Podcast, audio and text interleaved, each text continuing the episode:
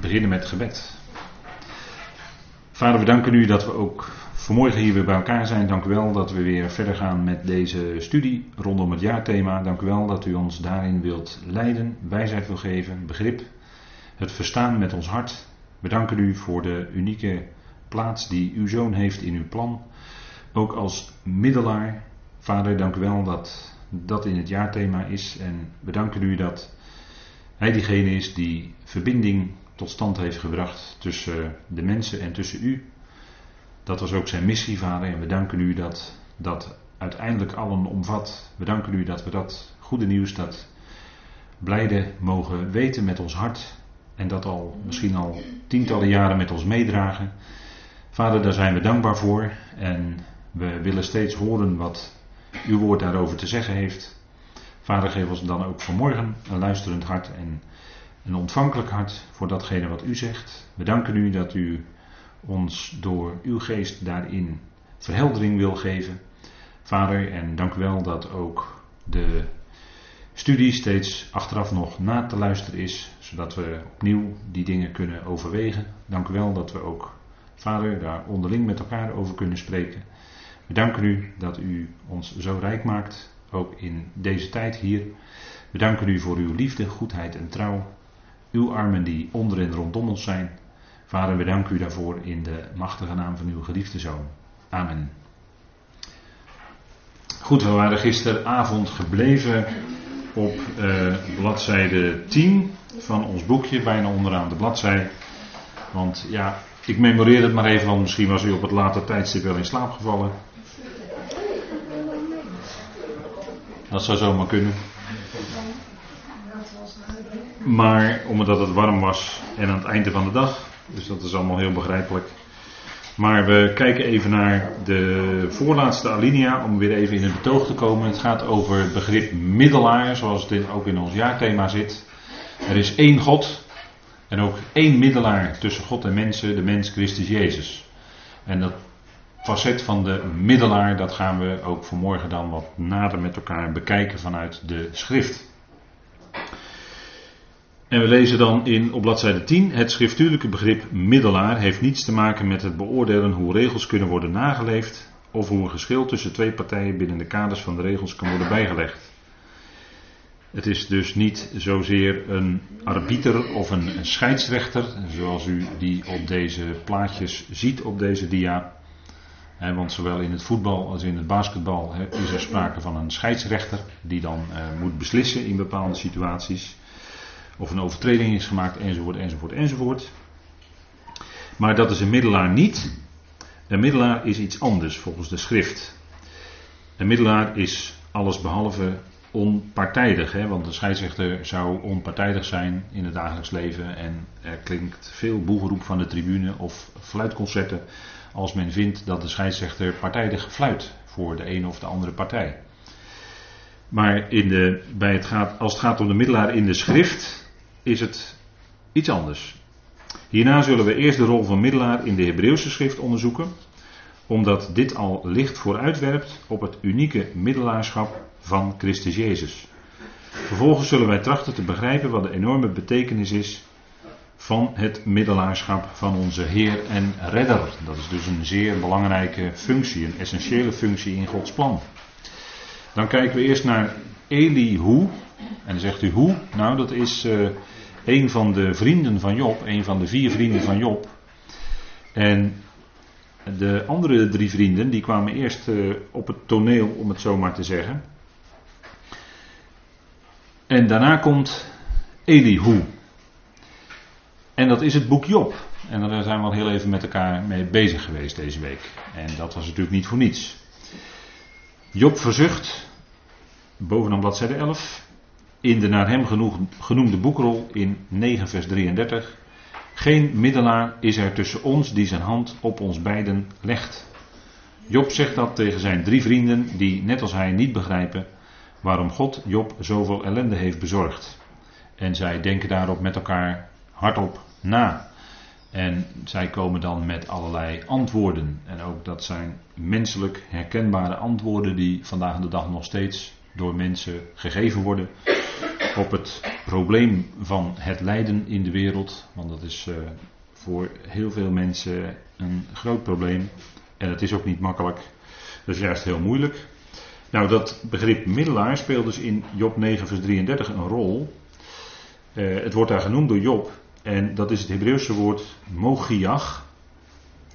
En dat komt van het Hebreeuwse werkwoord yagach. En dat betekent, dat, uh, dat woord uh, betekent dat het in, in de keren waarop het voorkomt, het komt in totaal 59 keer voor in het Hebreeuws. Dus als u een Hebreeuwse concordantie heeft, kunt u dat nazoeken. Maar komt 59 keer voor en dan heeft het meestal uh, betrekking op een een of ander waardeoordeel. En dan het meest van God in een bepaalde situatie. En we moeten dat dan zo zien dat God staat dan midden tussen de mens en een bepaalde situatie en reageert daarop met correctie. Dus er is een bepaalde situatie waar mensen zich in bevinden en dan komt God als het ware tussen beiden en grijpt in zekere zin in. En dat is dat de, dat komt, dat heeft te maken met een bepaalde werkwoordsvorm in het Hebreeuws waarom deze uitleg daaraan gegeven wordt. En het probleem is dat het in onze vertalingen helaas niet zo zichtbaar is. Dus daar loop je weer tegen een punt aan. Maar we kunnen niet al die 59 vindplaatsen natuurlijk nalopen. Maar in ieder geval, dat woord bemiddelen, dus de gedachte dat er een waardeoordeel is vanuit God en dan is er een bepaalde situatie waarin God dan tussen beiden komt. Daarin, uh, daarin zien we iets, een facet van het begrip middelaar. Dus er is dan iemand, er is een bepaalde situatie en iemand komt tussen beiden. En dat is dan, wij kijken dan natuurlijk richting de Griekse schrift. En dat woord middelaar, zoals dat voorkomt in ons jaarthema, in de tekst, in 1 Timotheus 2, vers 5, dat Griekse woord wat daar staat, dat komt ook in de Griekse vertaling naar voren van Job 9, vers 33. Dus in de Griekse vertaling van Job 9, vers 33 staat hetzelfde woord voor middelaar in het Grieks als in 1 Timotheus 2, vers 5.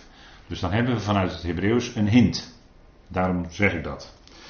En daarnaast is het natuurlijk zo dat uh, als we praten over middelaar, een, uh, ja, een, iemand of iets die tussen partijen is of staat, dan speelt daarin ook uh, gebed natuurlijk een rol. Job was iemand die tot God riep in gebed, in zijn nood. En dat is wat, wat wij ook doen. Hè? En ehm, dat daar zijn ook uh, twee Hebreeuwse woorden die je met gebed en bidden kunt vertalen.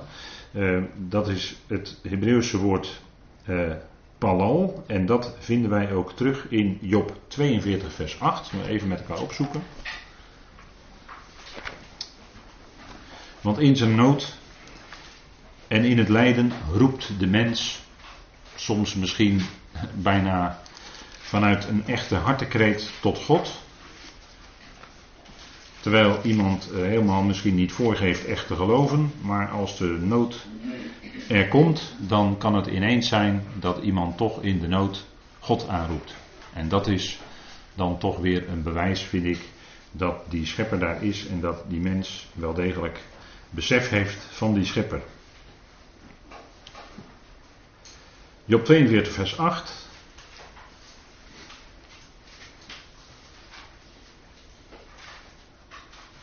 En hij geeft dan de opdracht aan Elifas. De Heer geeft de opdracht aan Elifas in vers 8 om een offer te brengen. Neem daarom zeven jonge stieren en zeven rammen voor u en ga naar mijn dienaar Job. Breng brandoffers voor u en laat mijn dienaar Job voor u bidden. Want alleen zijn gebed zal ik aannemen, zodat ik met u niet doe naar uw dwaasheid, want u hebt niet juist over mij gesproken, zoals mijn dienaar Job. En hier heeft uh, het gebed, het feit dat Job dan voor Elifas gaat bidden, heeft ook een enigszins bemiddelende, middelende functie. Dus dit, ik noem dit omdat dit relatie heeft met het begrip middelaar. Een middelaar is iemand die dan ook namens anderen bidt tot God. En dat is ook precies wat de Heer vandaag de dag doet voor u en voor mij. Hij bidt en pleit bij de Vader. En dat doet hij dus als middelaar. Dat lezen wij in Romeinen 8. daar gaat het om het punt van het gebed natuurlijk. En vaak de situatie dat wij niet weten wat wij zullen bidden naar wat moet zijn. zo hebben we dat geleerd zoals dat in de, in, de, in de tekst daar staat. We weten vaak niet wat we moeten bidden naar wat moet zijn.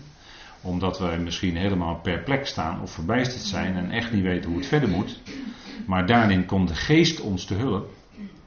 En in datzelfde stukje van Romeinen 8 staat ook dat de Heer zelf, hè, dat Christus zelf, voor ons bidt en pleit bij de Vader. En dat hoort dan bij zijn functie als middelaar. En dat zien we dus hier ook bij Job, hè, dat de Heer opdracht geeft aan Elifas en dan zal Job voor hem bidden.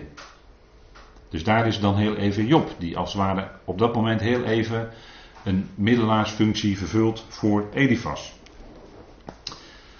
Vandaar even dat noemen van dat punt van het gebed. Hè? Dat is het Hebreeuwse woord pawal nogmaals. En als u kan beschikken over een Hebreeuwse concordantie, dan kunt u dat nazoeken, want het komt maar liefst 84 keer voor in de schrift. Het boek Job, daar zien we dat hij in een enorm lijden terechtkomt. dat is uh, onvoorstelbaar, zoveel als hem overkomt in korte tijd. En u kent die eerste hoofdstukken zijn het, uh, het, het, punt dat Job uh, God vreest en uh, onberispelijk is. En dan komt de tegenwerker, die komt dan in de vergadering van de zonen van God bij God. En die gaat dan onder toestaan van God, gaat hij Jobs leven, gaat hij Job beproeven. En komt een enorm lijden over Job. Zijn vrienden, die gaan naar Job toe. En die gaan eerst eens een tijdje bij Job zitten zonder iets te zeggen. Dat doen de Joden ook. Hè. Als uh, er sprake is van rouw, dan uh, komen ze op bezoek en dan zeggen ze niets. Dan laten ze alleen door hun aanwezigheid blijken van ik leef met je mee. En als jij wil spreken, dan hebben we een gesprek. En anders zit ik gewoon bij je en ben samen met jou verdrietig over dat leed wat jou overkomen is. Zit wel iets in. Zit wel iets in. Want vaak denk je, ja, wat moet ik nu zeggen in deze situatie? Ik zou het niet weten. En uh, daarin is er dan, hè, en dat, is dan, uh, dat noemen ze dan uh, Nagam, hè, dat noemen ze dan het huis van de vertroosting. Hè, het huis van de rouw, het woord rouw of berouw, dat is Nagam en daarin zit ook tegelijkertijd troost of vertroosting. Dat is ook weer zo'n bijzonder Hebreeuws woord, waarin ze, wat zowel met berouw vertaald wordt als met vertroosting. En allebei die elementen zitten daarin, hè, Nagam. Toen berouwde het de Heer dat hij de mensheid gemaakt had in de tijd van Noach. Dat is het woord Nagam. Maar er zit ook troost in, want de Heer had zich iets voorgenomen om met Noach en zijn gezin een nieuw begin te gaan maken met die, met, en dus verder wel, wel verder ging met die mensheid. Maar hij maakte een nieuw begin. En natuurlijk zal daar ook dat moment van de opstanding komen. Hè? Want de dood heeft niet het laatste woord. Nee, opstanding, leven heeft in Gods plan het laatste woord. En dat is onze troost. Hè? Die verandering die God in de toekomst gaat geven, die opstanding, dat is onze troost. Daar word je door bemoedigd. Dan kun je verder. En ook al is het heel moeilijk bij tijd en wijle. En Job had het verschrikkelijk moeilijk. Er overkwam zo'n ongelooflijk lijden. Dat is bijna met geen pen te beschrijven. Hè? En dan komen die vrienden en die gaan dan allemaal dingen zeggen. En vriend Elifas, die heeft het kort samen, heel kort samengevat over de menselijke ervaring. Vriend Bildad spreekt over de menselijke traditie. En vriend Sofar gaat uit van de menselijke verdiensten. En ze denken met elkaar hardop na over dat lijden van Job. En eigenlijk komt er niet echt een antwoord. Ze blijven allemaal toch op een of andere, alle drie blijven ze toch op een of andere manier steken. In het punt van, de een zegt, nou ja, Job zal misschien wel gezondigd hebben. Uh, wat we niet weten, maar dat, dat weet God dan wel. En uh, daarom wordt hij nu zo, uh, ja, toch een vorm van straf. Hè, overkomt hem dat lijden. En ja, dat, dat, of, of de ander zegt van, ja, je hebt, niet, je hebt niet genoeg je best gedaan. En daarom overkomt jou dat lijden. Nou, dat zijn allemaal van die menselijke antwoorden die gegeven worden. En eigenlijk komen ze er niet uit. En dan komt uh, Elihu, en dat is dan onze tekst. Dan komt Elihu, de vierde vriend, in hoofdstuk 32. En zijn naam betekent, dat staat hier ook in uw tekst aangegeven, dan betreedt in hoofdstuk 32 de, de nog jonge Elihu het toneel. En zijn naam betekent, mijn eeuw, mijn God is hij. Hij is de zoon van Barakal, Buzit, uit het geslacht van Ram, Job 32 vers 2. En men ziet hierin een verwijzing naar Genesis 22 vers 21. Wanneer dat juist is, moet Job een tijdgenoot van Abraham geweest zijn. En dat is ook wat algemeen gedacht wordt. Dat Job leefde in de dagen van de oude aartsvaders. Dus ten tijde boek Genesis. Dat wordt toch wel door meerdere uitleggers gedacht. Het is inderdaad niet onwaarschijnlijk dat Job in de tijd van de machtige nomadenstammen heeft geleefd. Nomaden leiden een kwetsbaar leven met risico's zoals ziekten, voedsel en watertekort, natuurrampen en roversbenden. Satan mocht Yahweh Job daarmee beproeven, maar binnen een zekere grens. Jobs leven moest gespaard blijven. Uiteindelijk kon hij ook, werd hij in staat gesteld om Job zelfs ziek te maken, zodat hij zweren had en zich uh, krabde met de potscherven. Zo erg was het. Dan moet je nagaan, ben je alles kwijt, ben je ook nog je gezondheid kwijt. Maar hij mocht zijn leven niet afnemen. Dat was het enige, dat was de restrictie. En verder kon hij dan ook niet gaan. En dat is altijd natuurlijk het geval. De tegenstander kan nooit verder gaan dan de mogelijkheid die hij krijgt. Want uiteindelijk is God degene die alles in handen heeft. Heeft ook de tegenstander in zijn hand. Uiteindelijk, hè. Jobs leven moest gespaard blijven. En Martin Luther noemde Satan Gods kettinghond. Nou goed, dat is dan voor rekening van Maarten Luther. Elihu is de laatste die bij Job is aangeschoven. De woorden van Job en zijn vrienden zijn bij hem duidelijk in het verkeerde keelgat geschoten. Als die zijn uitgesproken, houdt hij een redenvoering die er niet om liegt. Elihu was zeer boos op Job, omdat hij zijn ziel tegenover Elohim voor rechtvaardig hield en zeer boos en was zeer boos op de drie vrienden, omdat zij voor Job geen antwoord hadden, maar hem wel schuldig achten. Zullen we even met elkaar lezen, Job 32. Job 32.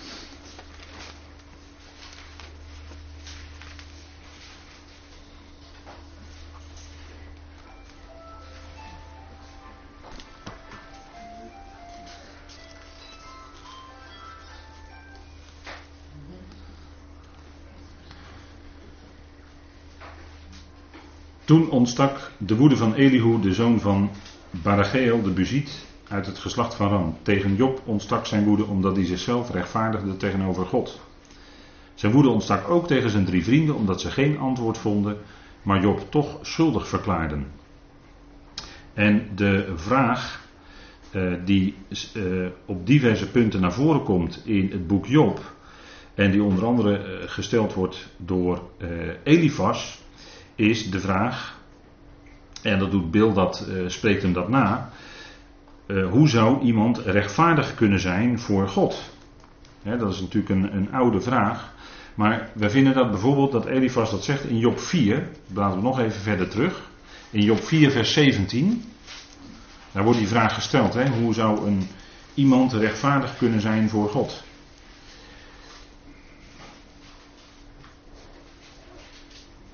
En dat was ook de vraag van, we hebben hem net even genoemd, Maarten Luther.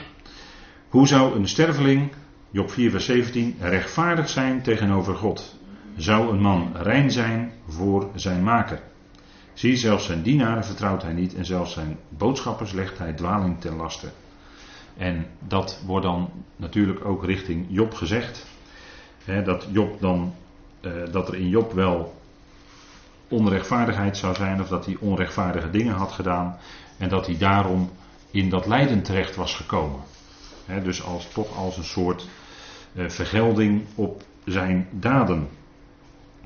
En dat klinkt eigenlijk door in die vraag. En dat, die vraag vinden we ook terug in, en misschien kunt u dat even noteren als u dat wil, in Job 15 vers 14 en Job 22 vers 3.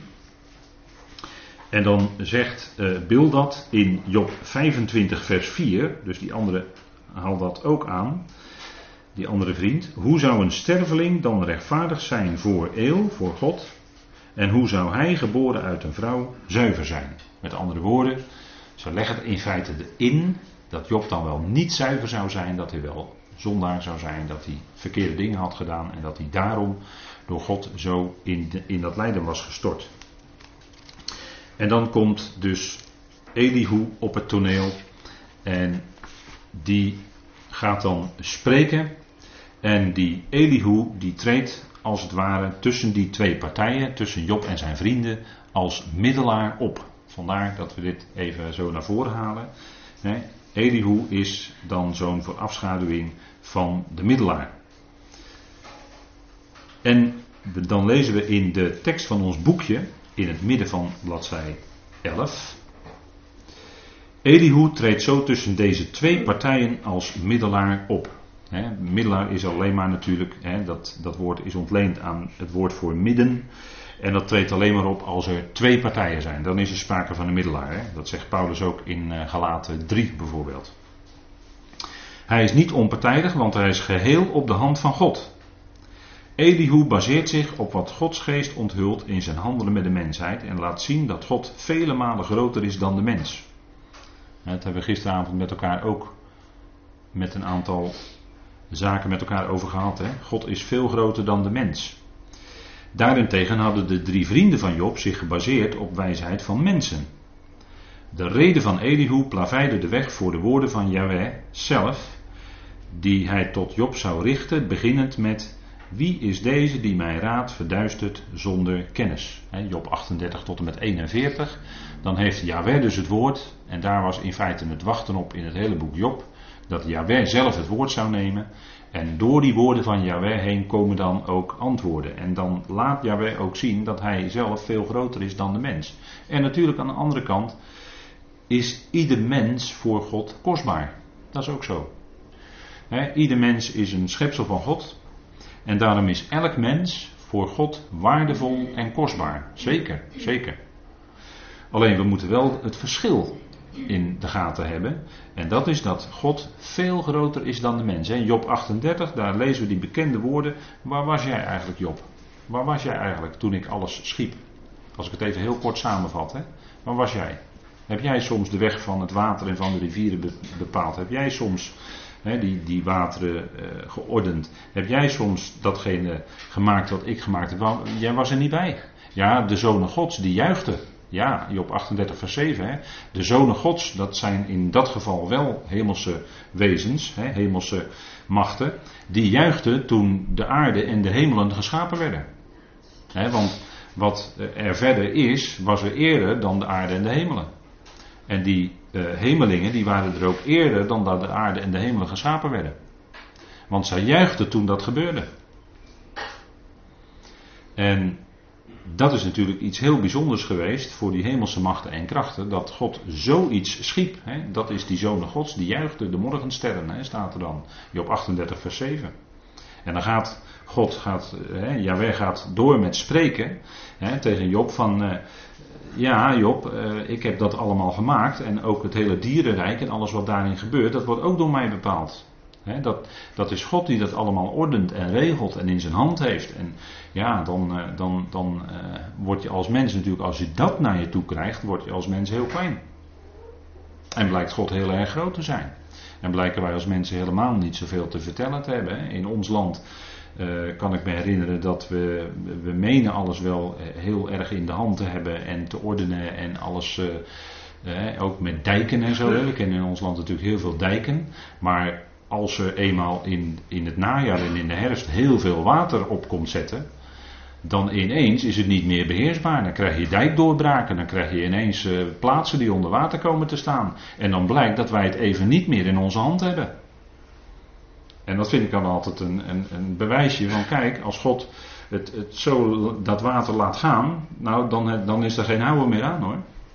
En dan kunnen wij als mensen natuurlijk prachtig allemaal dijken hebben gebouwd, maar waar zijn we dan met onze, met onze bouwwerken enzovoort? dat, en, en, en als er een aardbeving plaatsvindt, in, in, in, in, in het Engels noemen ze dat, als er zo'n grote aardbeving plaatsvindt, dat noemen ze een act of God. Dat kennen wij in onze taal helemaal niet, maar in, in het Engels kennen ze dat wel. En dan blijkt dat alle menselijke bouwwerken ineens, ja, dat die zaken, dat gaat allemaal om. Dat valt om en dat zal natuurlijk bij Israël ook zo zijn in de eindtijd. Hè? Als, dan komt daar die grote aardbeving, gaat de olijfberg splijten. Nou, dan blijft er van de Doom of de Rok en de Al-Aqsa moskee blijft helemaal niets meer over hoor. Dat blijft niet meer staan. Als het dan niet daarvoor al verwoest is, dan zal het dan wel verwoest worden. En zo maakt God zelf daar een einde aan op dat moment. Ja, natuurlijk. Ik bedoel, uh, mensen kunnen heel lang met hun uh, eigen kennis en kunde en bouwwerken en alles wat ze zelf opbouwen stand willen houden tegen God. Maar er komt natuurlijk een dag dat het allemaal gewoon omgaat. Dat het omver geblazen wordt. En dan blijkt dat al dat menselijke, ach, het is voor hem niets. En dan blijkt hij toch redder te zijn uiteindelijk. Hè? Want er blijft wel staan dat voor God ieder mens wezenlijk heel erg kostbaar is. En dat is natuurlijk ook zo. Hij kent ieder persoonlijk. Psalm 139, hè? geweldige psalm. Goed, we gaan even terug naar de tekst van ons boekje. Het optreden van Elihu leert ons dat de mens niet bij macht is het hoe en het waarom van Gods handelen te begrijpen. En dat de menselijke wijsheid zonder meer tekortschiet. He, dat roept Paulus ook, hebben we gisteravond met elkaar gelezen, Romeinen 1, maar ik zou ook kunnen aanhalen 1 Korinthe 1. Heeft God niet de wijsheid van deze wereld tot dwaasheid gemaakt?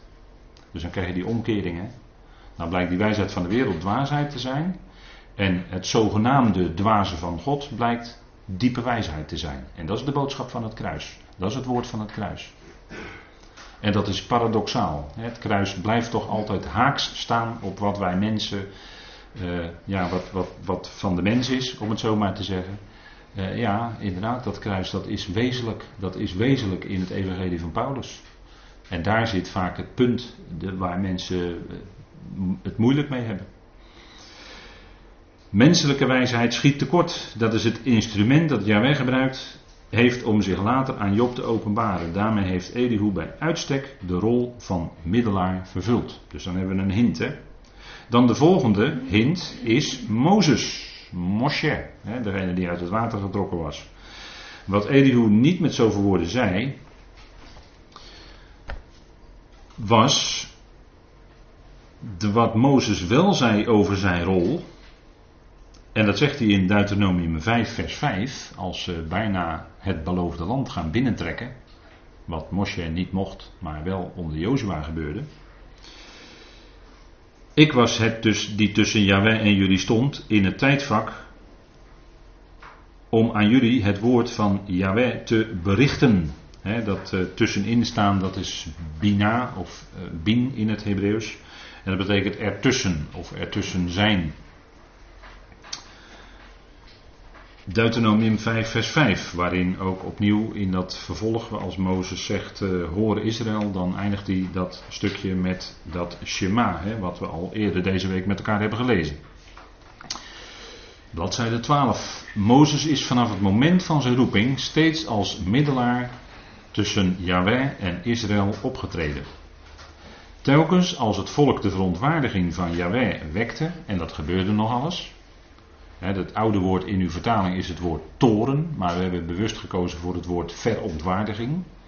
Omdat bij God dat toch iets anders is dan bij mensen toren is. Kwam Mozes tussen beiden precies zoals Yahweh dat van hem verwachtte. En waarvoor Yahweh hem, dat, waarvoor Yahweh hem dan natuurlijk ook inzette. Hij was door Yahweh ingezet in die functie van middelaar. Een zeer bekend moment was de verering van het gouden kalf. Hebben we gisteren ook gezien hè, met elkaar. De stiergod Apis. Die hadden ze nagemaakt en ze hadden goud verzameld en daar een gouden kalf van gemaakt en dat gingen ze aanbidden. Dat kenden ze uit Egypte. Notabene door Mozes broer Aaron gefaciliteerd. Aaron, notabene, die in zijn naam iets heeft van het Hebreeuwse woord van licht. Moet je nagaan, hè? En juist Aaron, die bevorderde dat gouden kalf en ja, duurde te lang. 40 dagen. Daar ging de dagopening ook over, 40. Nou, dat was een testperiode, om het zo maar te zeggen. En ook voor het volk. En het volk was ongeduldig en ze maakten het gouden kalf. Dat is des mensen, hè. Yahweh wilde aan het volk een einde maken. Nota bene, hè? Nota bene. Ze waren net verlost uit Egypte. En kijk eens wat ze deden. ze waren nog in. Uh, ze waren nog in ondertrouw eigenlijk. het huwelijk zou bijna gesloten worden, want uh, de Heer ging de voorwaarden op de bergen, op die stenen zelf schrijven. En als het volk dan ja zijn, dan was het huwelijk gesloten. Dus ze waren nog in ondertrouw, moet je nagaan. Toen zag Mozes pleitte echter voor hem en beriep zich onder meer op de beloften aan de aartsvaders gedaan. Hey, daar komt dat belofte, die onvoorwaardelijke beloften die aan de aartsvaders gedaan zijn, die komen daar op tafel. En daarom was Mozes een prima middelaar, om het zo maar te zeggen. Want hij herinnerde God als het ware aan zijn eigen woorden, die hij met een eed gezworen had. Hè, met een eed gezworen had.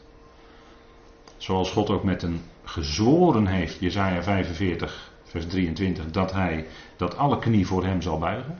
En dat alle tong hem zal zweren, staat er dan. Dat is ook datzelfde eedzweren als wat God zelf daar doet. En dat wordt door Paulus dan later in zijn volheid en in het volle licht uitgestald in Filippenzen 2. Maar in dat Jezaja 45 vers 23 zit ook twee keer dat eed zweren. En God had die belofte ook met een eed gezworen aan Abraham. En dat gebeurde bij gelegenheid ook bij een eik. En dat heeft ook verband met elkaar.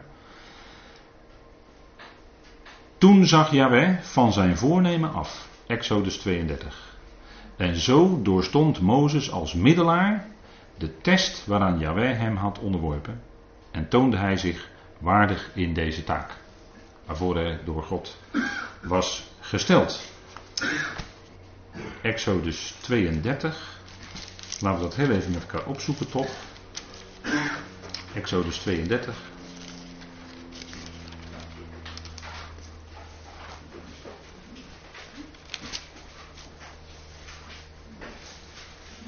Je hebt ook zo'n, uh, dan, gaat het, uh, dan is het volk bezig uh, met de dans om het Gouden Kalf. En in Nederland is het geloof ik ook een filmprijs, hè, het Gouden Kalf, toch? En dan denk ik wel eens, doen ze het er nou om? Of niet? Weet ik niet. Exodus 32.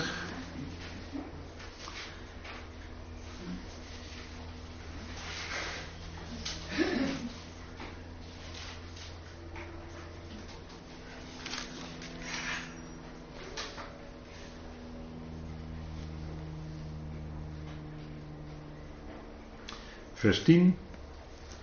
Nu dan, laat mij begaan, zodat mijn toren of verontwaardiging tegen hen ontbrandt en ik hen vernietig. Dan zal ik u tot een groot volk maken. Maar Mozes tracht het aangezicht van Yahweh, zijn God, gunstig te stemmen en zei: Heer, waarom zou u verontwaardiging ontbranden tegen uw volk, dat u met grote kracht en sterke hand uit het land Egypte hebt geleid?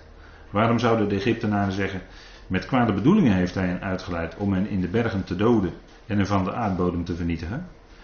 Laat uw brandende verontwaardiging varen en heb berouw over het kwaad voor uw volk.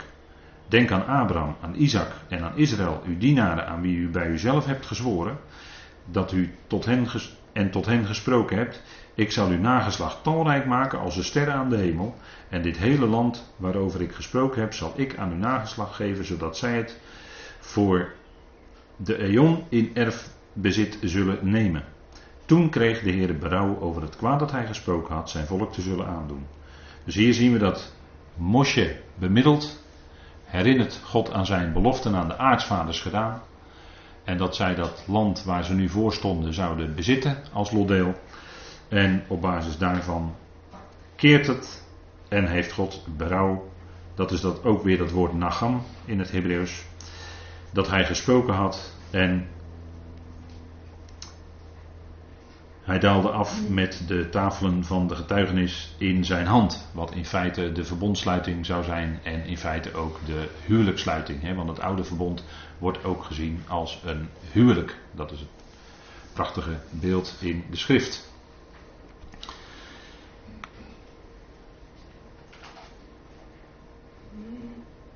Goed, we gaan even terug naar, onze, naar ons boekje.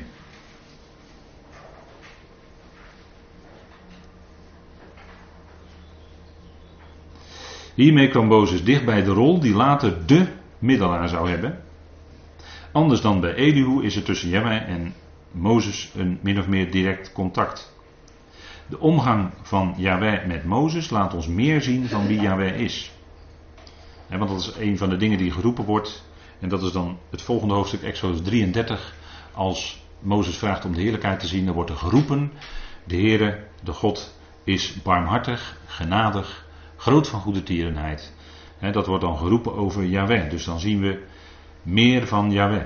Een voornaam aspect van de rol van Mozes als middelaar is dat hij een voorafschaduwing laat zien van het goede dat komen zou, waarvan Christus zelf het beeld was. Dus Christus was de vervulling, Mozes was een voorafschaduwing, wordt in de Torah genoemd en hierin zien we opnieuw weer zo'n punt dat de Torah een schaduw heeft van de toekomende goederen, Hebreeën 10 vers 1. Hè? Een tweede aspect is dat Mozes Israël tot een tijdelijk bezit van het land bracht. Christus zou later komen om dat definitief te maken. want het oude verbond, als ik het zo zeg, dan weet u al dat het gaat verdwijnen. Want als je oud zegt, dan is er dus ook een nieuw. dan gaat het oude verdwijnen. Dat oude verbond had Israël verbroken. En omdat ze andere goden achterna gingen. En daardoor, daarvoor gingen ze ook bij gelegenheid in ballingschap. eerst de tien stammen en later de twee stammen in de Babylonische ballingschap. En eh, daarna werden ze weer eh, teruggebracht in het land en weer verdreven. En eh, zo kent het volk Israël diverse ballingschappen. En volgens de rabbijnen zitten ze nu in de Edomitische ballingschap. Dat heeft te maken met Rome, dat wat gezien wordt als Edom. Of nazaten van Edom. En vandaar de Edomitische ballingschap. Maar eh, ballingschap is natuurlijk altijd tijdelijk. Want er is de belofte dat ze in het land zullen terugkeren. En we zien daar nu een kleine vooruitblik van in de staat Israël die daar nu is in het Midden-Oosten. En, maar in de toekomst zal het natuurlijk in volheid, zal die hele landbelofte die aan Abraham gegeven is vervuld worden. En zullen zij een gebied bezitten vanaf de rivier in Egypte, dat is de rivier de Nijl, tot aan de Uifraat. Dat hele gebied is aan Abraham beloofd, Genesis 15, het laatste vers. En dat zullen zij dan ook als land gaan bezitten. Dus wat we nu zien is slechts een kleine voorvervulling, wel een vervulling van profetisch woord van Ezekiel, het dal van dorre doodsbeenderen. Is wel een vervulling van de profetie, maar wat we nu zien in Israël is nog geen vervulling van de belofte die aan de aartsvaders gegeven is. Dat zal pas in de toekomst echt vervuld worden en dan ook echt vervuld worden. En dan zullen ze ook dat hele gebied bezitten. Dus later kwam Christus om dat definitief te maken en dan blijkt hij ook de middelaar te zijn van een beter verbond. Daar gaan we op in. Eerst kwam, kwamen het verbond en de beloften op de Sinaï via Mozes. Dat was het oude verbond. Maar Christus zou de middelaar van een beter verbond met betere beloften worden.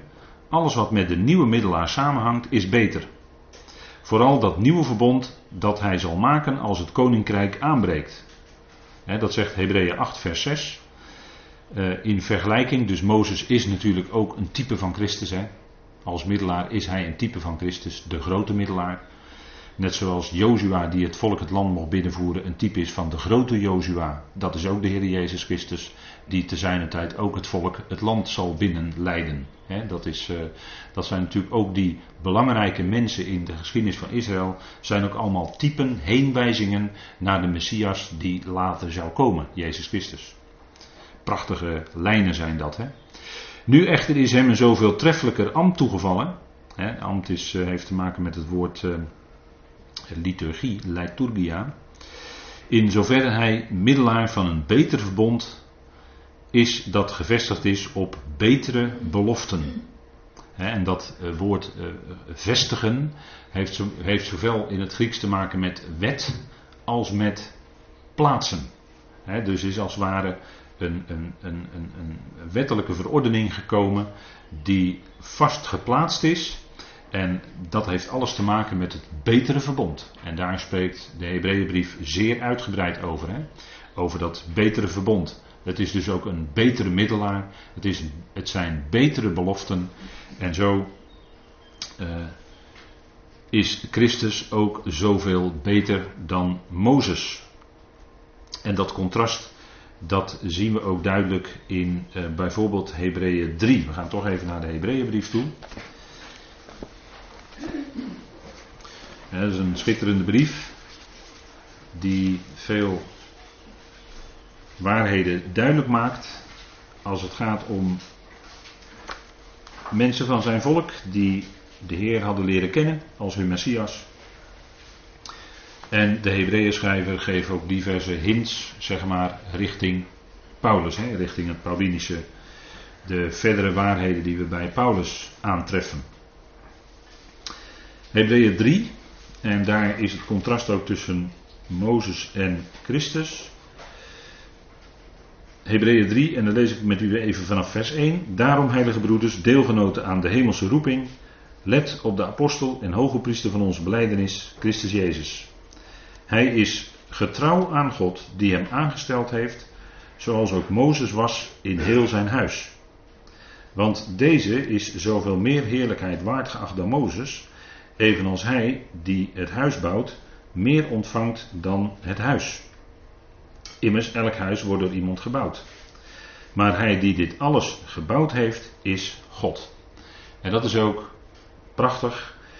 Christus is de zoon. En de zoon in de schrift is ook de bouwer. En die functie zien we hier. Hè? De zoon is de bouwer. Het Hebreeuwse woord voor bouwen is bana. En daar is ook het woord ben, zoon, van afgeleid. dus iemand die bijvoorbeeld eh, Ben Eliezer heet, dit is de zoon van Eliezer. Maar Ben, die, uh, dat, dus dat begrip zoon in het Hebreeuws, heeft in zich de functie van bouwer. En de zoon, hè, als die hier gezien wordt als de middelaar, is dan degene die ook bouwt aan uh, de relatie, de verbinding tussen God en de mens. En uiteindelijk is de grote bouwer van alles, staat er in vers 4, hè, prachtig hè. Maar hij die dit alles bouwt, is God. Dus uiteindelijk is, dat, is hij degene die alles opbouwt en in dat plan van bouwen zonen inzet. Zo is de zoon, de zoon van God, Christus Jezus onze Heer, is de grote bouwer. En wij als zonen mogen ook meehelpen in dat plan van bouwen. En daarom zouden we ook in de gemeente doen wat is tot opbouw van de gemeente. Dus als je bezig bent tot opbouw van de gemeente in je doen en laten, dan laat je, hè, dan, dan blijkt dat je zoon bent. Want de zoon is een bouwer. En we bouwen. En dat is Israël ook. Israël zal in de toekomst zonen zijn van de Allerhoogste God. En zij zullen bouwen aan de natieën om die tot God te brengen. Dat is ook een werk van bouwen. Hè? En eh, het werk is dan voor ons puur geestelijk. Geestelijke opbouw. Dat is wat uh, nut heeft. En daarom zegt Paulus ook. Ja, uh, alle dingen zijn mij geoorloofd, maar niet alles is nuttig. En wat is dan nuttig? Nuttig is datgene wat is tot opbouw van de gemeente. Dat is nuttig. En dan is dat, dan is daar, daarin blijkt dan ook dat zoonschap wat we hebben ontvangen. we, beseffen, we zijn zonen.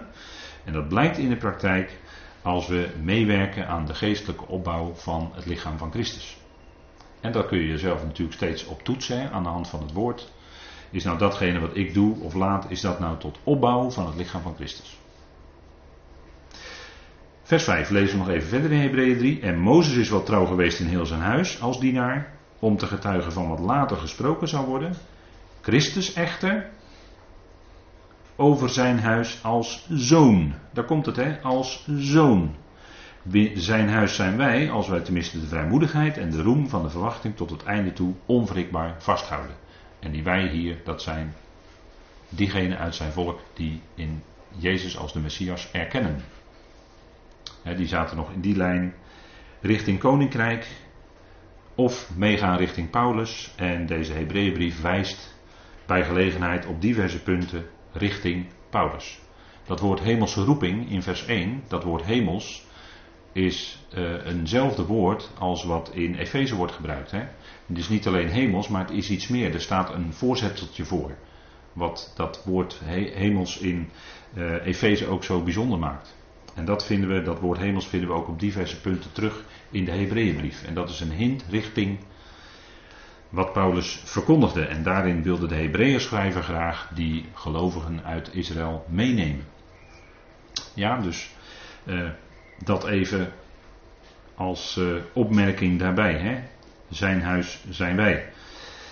En die wij, dat is dan leden van het volk. En dan gaat hij verder met heden en dan de geschiedenis van Israël. Maar dat laten we even liggen. In Hebreeën 9, vers 15 vinden wij ook dat woord middelaar terug.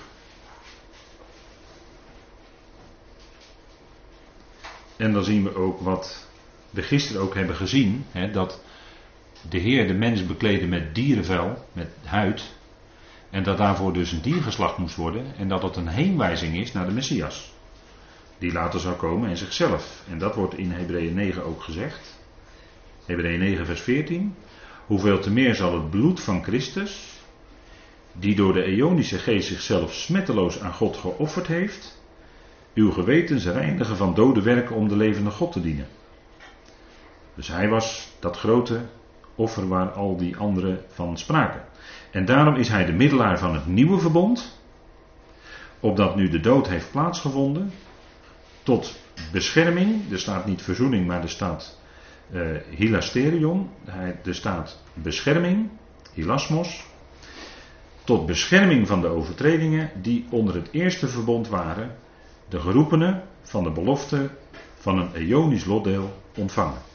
dus hier gaat het om het contrast tussen het eerste verbond, het oude verbond en het nieuwe. En hiervan wordt gezegd, kijk, Mozes was de middelaar van het oude, maar Christus is de middelaar van het nieuwe verbond. Dat is een beter verbond. En dat is ook blijvend. En dat nieuwe verbond, dat geldt uiteraard voor het huis van Israël en het huis van Juda.